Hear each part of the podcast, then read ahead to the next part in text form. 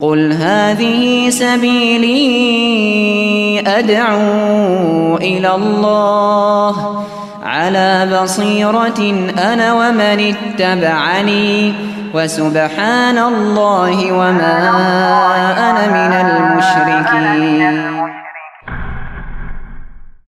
إن الحمد لله نحمده ونستعينه ونستغفره ونعوذ بالله من شرور أنفسنا ومن سيئة أعمالنا من يهده الله فلا مضل له ومن يضلل فلا هادي له. وأشهد أن لا إله إلا الله وحده لا شريك له وأشهد أن محمدا عبده ورسوله. اللهم صل على نبينا محمد وعلى آله ومن تبعهم بإحسان إلى يوم الدين. Qala Allah Ta'ala fi kitabil karim Ya ayyuhalladzina amanu taqullaha haqqa tuqatihi wa la illa wa antum muslimun. Puji syukur kita panjatkan pada Allah. Salawat dan salam Mugi-mugi tercurah pada junjungan kita Nabi besar Nabi Agung Muhammad Sallallahu alaihi wasallam. Sungguh banyak nikmat yang telah Allah anugerahkan di hari Jumat yang penuh berkah ini. Dan juga kita mendapatkan nikmat yang besar masih berada di dalam ajaran yang lurus, berada di dalam petunjuk Nabi kita Muhammad Sallallahu Alaihi Wasallam. Di mana di hari Jumat ini Khatib Jumat senantiasa mengingatkan untuk memperbaiki ketakwaan kepada Allah Subhanahu wa taala. Karena dengan takwa itulah jalan keselamatan. Dan takwa itu bentuknya adalah menjalankan perintah dan menjauhi setiap larangan Allah. Di antara perintah-perintah Allah itu pasti mengandung maslahat murni 100% kebaikan di dalamnya atau ada kebaikan yang lebih besar daripada keburukannya. Dan di hari Jumat ini ada adab-adab ringan yang telah diajarkan juga oleh Nabi kita Muhammad sallallahu alaihi wasallam bagi siapa saja yang menghadiri khutbah Jumat para hadirin dan adik-adik sekalian semuanya bisa memperhatikan adab berikut ini.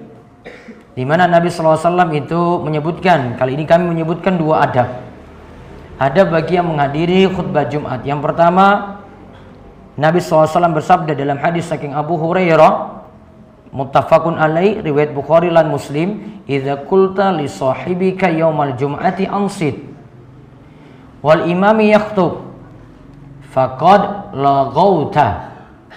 Jika engkau berbicara pada hari Jumat pada temanmu di samping Suruh temanmu itu ansit diam. Ngomong diam pada teman atau ngomong itu sama. Maka Nabi SAW katakan ketika itu imam berkhutbah maka Jumatanmu sudah sia-sia. Adab pertama.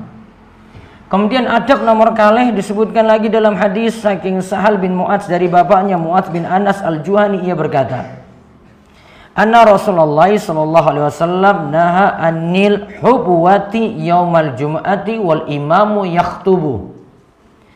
Rasulullah sallallahu alaihi wasallam melarang duduk sambil memeluk lutut pada saat imam sedang berkhutbah. Hadis ini diriwayatkan oleh Imam Tirmizi dan Abu Daud dan hadisnya adalah hadis yang sanatnya itu hasan. Dua adab ini kurang diperhatikan apalagi oleh anak-anak milenial saat ini. Anak-anak remaja saat ini. Dulu kalau simbah-simbah kita dulu ketika memperhatikan khutbah Jumat mereka diam tidak ngobrol. Tenang, tidak berbicara sanan sini. Tidak senyum-senyum, tidak guyon kanan kiri, nggak tengok kanan kiri namun memperhatikan khutbah Jumat. Itu contoh baik yang patut ditiru. Setiap kali khutbah ini akan terulang lagi setiap Jumat Pahing giliran kami akan terus berulang jika kami akan melihat keadaannya tidak berubah, adab ini akan terus diulang. Yang pertama, tidak boleh ngobrol. Ini beda kalau dengar ceramah biasa. Karena khutbah Jumat disuruh onsit diam. Yang kedua, tidak memeluk lutut. Karena memeluk lutut lebih punya peluang cepat tidur. Kita itu butuh untuk istiqomah dalam beragama. Sebagaimana setiap kali kita sholat, kita mohon pada Allah Subhanahu wa taala, "Ihdinas siratal mustaqim." Ya Allah tunjukkanlah kepada kami jalan yang lurus. Jalan yang lurus itu beberapa pengertian kata Imam Ibnu Katsir dalam kitab tafsirnya yaitu jalan Islam. Jalan sahab jalan Nabi sallallahu alaihi wasallam, jalan para sahabat, jalan Al-Qur'an dan jalan kebenaran. Maka kita bolak-balik ketika kita sholat saat membaca surat Al-Fatihah mengulang ayat ini terus dan kita menemukan ayat ya Allah tunjukkanlah kepada kami jalan yang lurus. Berarti kita semuanya butuh untuk istiqomah berada dalam jalan yang lurus terus. Apa yang dimaksudkan dengan istiqomah? Ada seorang ulama besar Syafiq Al-Balji disebutkan dalam kitab Hilya Al-Awliya karya Abu Nuaim Al-Asbahani. Ia mengatakan bahwasanya arbaun min tariqil istiqomah. Ada empat hal yang membuat kita itu mudah istiqomah, terus berada di jalan yang lurus. Yang pertama, beliau katakan tidak meninggalkan perintah Allah ketika sedang mendapati musibah. Kemudian yang kedua, dia singgung pula tidak meninggalkan perintah Allah karena kesibukan-kesibukan dunia. Kemudian yang ketiga, tidak mengikuti hawa nafsu dan komentar manusia. Lalu yang keempat, beramal sesuai tuntunan yang ada dalam Al-Quran dan Sunnah Nabi kita Muhammad Sallallahu Alaihi Wasallam. Empat hal ini luar biasa apa yang disebutkan oleh Syafiq Al-Balji ya tentang masalah istiqomah agar kita terus diberi petunjuk pada jalan yang lurus tetap dijaga terus setiap harinya sampai Allah mewafatkan kita nanti dalam keadaan husnul khatimah. Apa yang dilakukan? Yaitu yang pertama, tidak meninggalkan ibadah walaupun lagi kena musibah. Setiap orang akan mendapati ujian-ujian sendiri. Ada yang dirinya sakit, ada yang anaknya sakit, ada yang bapaknya sakit, ada yang simbahnya sakit, ada yang punya masalah dalam utang, ada yang punya masalah sulitnya rizki, ada yang belum dapat kerja, ada yang punya masalah bertengkar dengan istri dan seterusnya. Ujian-ujian selalu ada. Namun di sini dituntut musibah-musibah, ujian-ujian yang ada seperti itu tidak meninggalkan perintah Allah, tidak sampai membuat kita meninggalkan ibadah. Karena ingat di balik musibah, fa inna ma'al usri yusra, inna ma'al usri yusra. Di balik kesulitan itu ada kemudahan, diulang lagi. Di balik kesulitan itu ada kemudahan. Seorang ulama dari kalangan tabi'in bernama Qatada rahimahullah itu menyatakan, "Lai yagliba usrun yusraini." Tidak mungkin satu kesulitan, sulit cuma satu dikalahkan dengan dua kemudahan. Maksudnya apa? Kita dapati sulit cuma satu saja.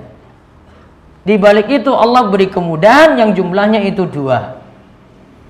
Maka seorang muslim harus punya sifat optimis ketika dia dapati ujian, pasti ada maksud terbaik dari Allah Subhanahu wa taala di situ. Karena ingat para jamaah sekalian musibah-musibah itu punya hikmah yang luar biasa yang kadang kita tidak bisa memikirkan hal ini. Bisa jadi musibah itu ujian. Kita diuji lagi untuk sabar. Mampu nggak untuk sabar? Bisa juga musibah itu untuk membersihkan hati manusia yang biasanya sombong, yang biasanya ujub, yang biasanya hasad. Kemudian ketika musibah datang berubah langsung ketika itu. Kesombongan karena jabatannya, kesombongan karena kepemimpinannya, kesombongan karena kekayaannya, takluk kalau Allah Subhanahu wa taala berikan ujian. Dia bangun tidur dalam keadaan lehernya nggak bisa gerak saja, itu sudah pusing bukan main. Dia anggap ujian yang luar biasa. Walaupun dia itu yang sugih, pemimpin yang luar biasa, punya kekuasaan di mana-mana, namun ketika Allah beri satu ujian seperti ini saya dia tidak bisa bertindak. Maka kesombongan jadi takluk cuma gara-gara musibah saja yang Allah berikan sementara waktu. Musibah juga di sini bisa menguatkan iman seorang mukmin dan juga menunjukkan kuatnya Allah dan lemahnya manusia. Kita itu begitu lemah, tidak ada apa-apanya di hadapan Allah. Dan juga akhirnya kita bersemangat untuk berdoa kepada Allah Subhanahu wa taala. Kemudian orang-orang yang lalai dari ibadah akhirnya bangkit ketika itu, kemudian banyak ibadah, rajin ke masjid, rajin ibadah. Jadi sadar ketika itu. Dan kadang kita baru rasakan nikmatnya sesuatu ya. Kita baru rasakan suatu nikmat kalau kita lagi ditimpa musibah. Lagi merasakan nikmat sehat kalau Allah timpakan kita itu sakit. Namun kalau tidak dapat sakit kita tidak akan merasakan seperti itu maka kaum muslimin sekalian semoga senantiasa dirahmati oleh Allah Subhanahu wa taala, kita dituntut untuk bisa mempelajari hikmah-hikmah tadi yang jelas dari musibah-musibah yang ada jangan sampai membuat kita lalai dari ibadah kepada Allah Subhanahu wa taala. Kemudian yang kedua tadi, tidak sampai meninggalkan ibadah karena kesibukan dunia. Kalau bacakan hadis, ini adalah keadaan orang nanti pada hari kiamat karena kesibukan dunia, nasibnya nanti jelek pada hari kiamat. Dan ini terkait ketika ia meninggalkan ibadah yang paling mulia yaitu sholat.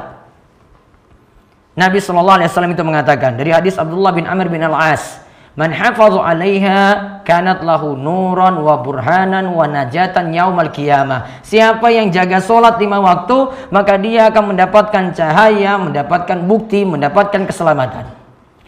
Wa man lam yuhafiz 'alaiha lam yakun lahu nurun wala burhanun wala najatun. Ketika dia tidak jaga sholat, dia tidak dapat cahaya pada hari kiamat, tidak mendapatkan bukti dan tidak mendapatkan najah, tidak mendapatkan keselamatan. Dan nantinya pada hari kiamat wa kana yaumal kiamati ma qarun wa fir'aun wa haman wa ubay bin khalaf nantinya di hari kiamat dia akan dikumpulkan. Orang-orang yang malas sholat ini akan dikumpulkan bersama korun. Korun itu sibuk dengan harta sehingga meninggalkan ibadah. Fir'aun. Fir'aun itu sibuk dengan kekuasaan, sibuk dengan pemerintahannya, sehingga dia tinggalkan ibadah. Enggak mau taat pada Allah. Haman. Haman itu jadi orang dekatnya Fir'aun juga tinggalkan ibadah karena sibuk juga ngurus pemerintahannya dan Ubay bin Khalaf seorang pedagang yang sibuk dengan dunianya saja sampai meninggalkan ibadah sholat tadi. Maka menunjukkan bahwasanya nasi jelek yang akan ditimpa oleh orang-orang yang cuma beralasan dengan dunia, dunia, dunia. Saya sibuk dengan ini, saya sibuk dengan itu. Kalau anak muda ya sibuk dengan olahraganya, sibuk dengan main motornya, sibuk dengan bal-balannya, sibuk dengan kegiatan apa pun. Subuh nggak pernah, Zuhur nanti kalau mau saja dia ibadah kalau disuruh gurunya. Asar kalau juga ada desakan juga. Maghrib sudah capek, isya sudah tidur. Maka kalau dengan alasan uh, dunia-dunia ini kemudian kita tinggalkan ibadah, kita tidak disebut istiqomah. Istiqomah itu adalah ketika kita tetap ibadah pada Allah walaupun kita sibuk dengan urusan-urusan dunia, sibuk dengan pemerintahan, sibuk dengan dagang, dan sibuk dengan kekuasaan namun tidak pernah melupakan Allah Subhanahu wa taala. Ibadah tetap dijaga. Kemudian yang ketiga tadi adalah tidak mengikuti komentar manusia dan tidak memperturutkan hawa nafsu. Tidak mengikuti komentar manusia maksudnya di sini adalah dia cari ridha Allah. Bukan karena komentar manusia sampai dia tinggalkan ibadah. Juga dia tidak memperturutkan hawa nafsu. Yang namanya ibadah itu mesti dengan dalil ngangge tuntunan. Tidak ada petunjuk saking Quran atau saking hadis, maka tidak boleh kita ikuti ibadah tersebut. Itu namanya memperturutkan hawa nafsu. Karena semua hawa nafsu harus tunduk ketika dalil saking Quran dan sunnah Nabi SAW itu Allah berikan dan Nabi SAW itu ajarkan pada kita.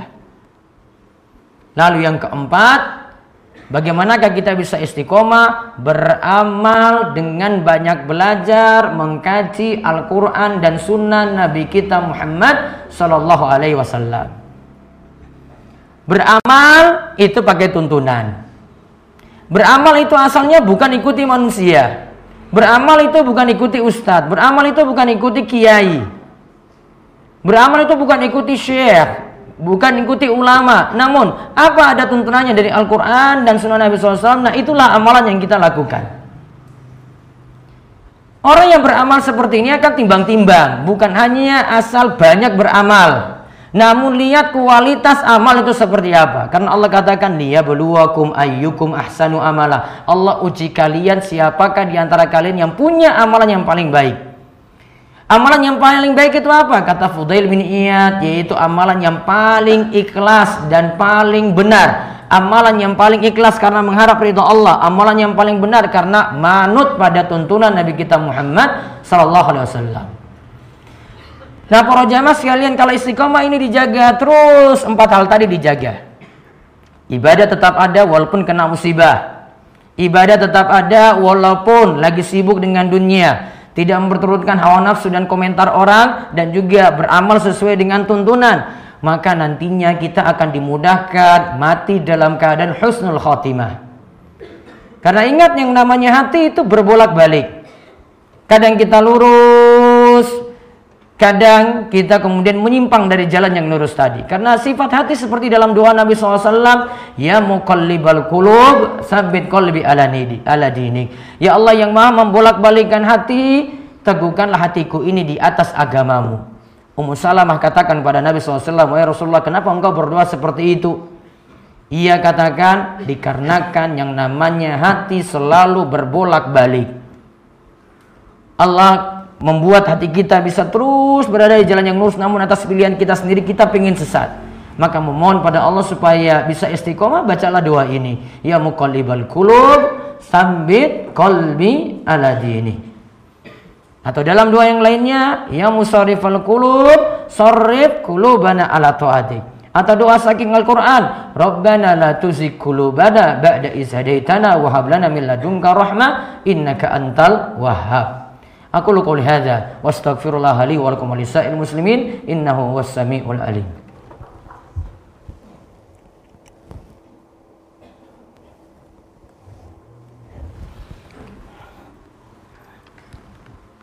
Alhamdulillahi haqqa hamdi.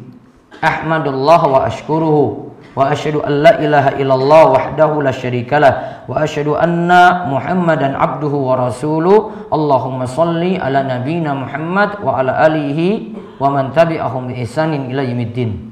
أما بعد فيا أيها الناس اتقوا الله تعالى وداروا الفواحش وذروا الفواحش ما ظهر منها وما بطن. وحافظوا على الطاعات وحضور الجمعة والجماعة. واعلموا أن الله أمركم بأمر بدأ. Fihi bi nafsihi wa sanna bi malaikati qudsihi wa qala ta'ala Inna Allah wa malaikatahu yusalluna ala nabi ya ayyuhalladzina amanu sallu alaihi wa taslima. Allahumma salli ala Muhammad wa ala ali Muhammad kama sallaita ala Ibrahim wa ala ali Ibrahim innaka Hamidum Majid. Allahumma barik ala Muhammad wa ala ali Muhammad kama barakta ala Ibrahim wa ala ali Ibrahim innaka Hamidum Majid. Allahumma ighfir lil muslimina wal muslimat wal mu'minina wal mu'minat al ahya'i minhum wal amwat innaka sami'un qaribun mujibud da'wah Rabbana la tuzigh qulubana ba'da idh hadaitana wa hab lana min ladunka rahmah innaka antal wahhab. Allahumma inna nas'aluka al-huda wat tuqa wal afaf wal ghina Allahumma ahsin akibatana fil umuri kulliha wa ajirna min khizyid dunya wa adzabil akhirah. Rabbana hab lana min azwajina wa dhurriyyatina qurrata a'yun waj'alna lil muttaqina imama. Allahumma aslih ulata umurina. Allahumma wafiqhum lima fihi sulahu wa sulahul islami wal muslimin Allahumma ab'id anhum bitanata su' wal mufsidin Rabbana atina fid dunya hasanah wa fil akhirati hasanah wa qina adzabannar wa sallallahu ala nabiyyina Muhammadin wa ala alihi wa sahbihi wa man tabi'ahum bi ihsani ila yaumiddin wa akhiru